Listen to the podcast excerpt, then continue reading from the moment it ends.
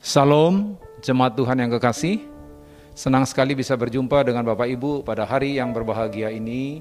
Kita bisa memuji Tuhan, bisa mengucap syukur kepada Tuhan, dan bisa mendengarkan kebenaran firman. Tapi sebelum kita mendengarkan firman, mari kita tunduk kepala, kita berdoa, minta tuntunan roh kudus, kita berdoa.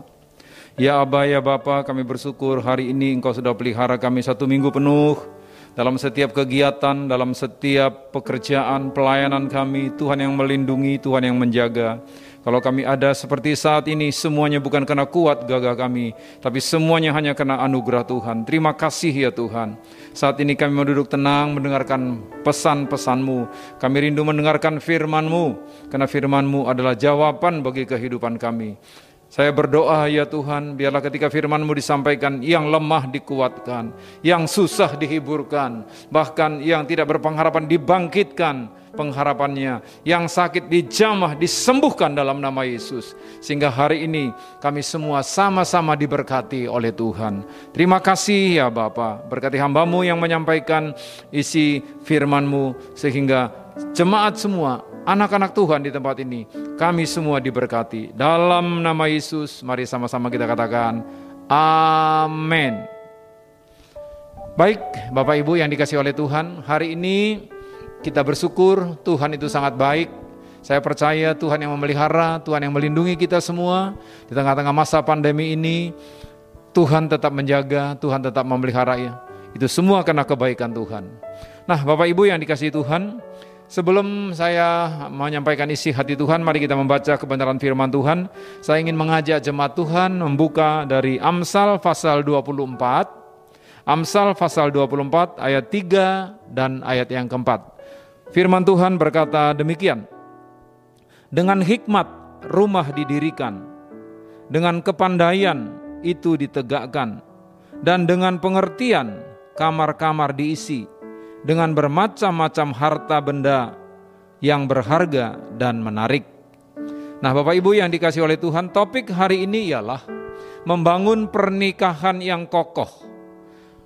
Untuk membangun pernikahan yang kokoh, diperlukan usaha dari dua pribadi.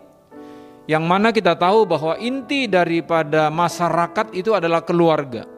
Sedangkan inti keluarga adalah satu suami, satu istri suami istri. Nah, karena itu Bapak Ibu, Saudara yang Tuhan Yesus kasihi semuanya di tempat ini, kalau suami istri memiliki hubungan yang baik, pada umumnya, maka orang tua dengan anak juga memiliki hubungan yang baik. Kenapa anak-anak bermasalah?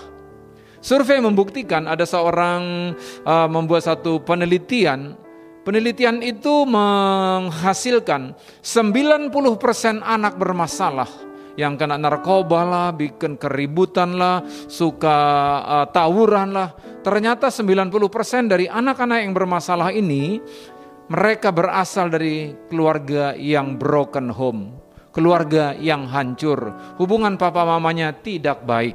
Nah, karena itu betapa pentingnya membangun pernikahan yang kokoh.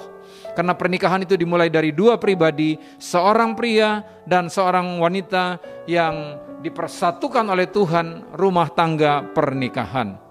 Nah, karena itu Bapak Ibu, untuk memasuki pernikahan yang kokoh diperlukan satu komitmen. Katakan komitmen. Tentunya apakah cukup hanya komitmen? Tidak ada cinta. Oh, pasti tentu, ya. Pasti tentu ada cinta. Kita tidak mungkin menikah dengan orang yang bukan kita cintai. Tetapi maksud saya, modal cinta saja di dalam pernikahan tidak cukup. Karena cinta itu erat kaitannya dengan feeling, emosi, dan juga dengan logika.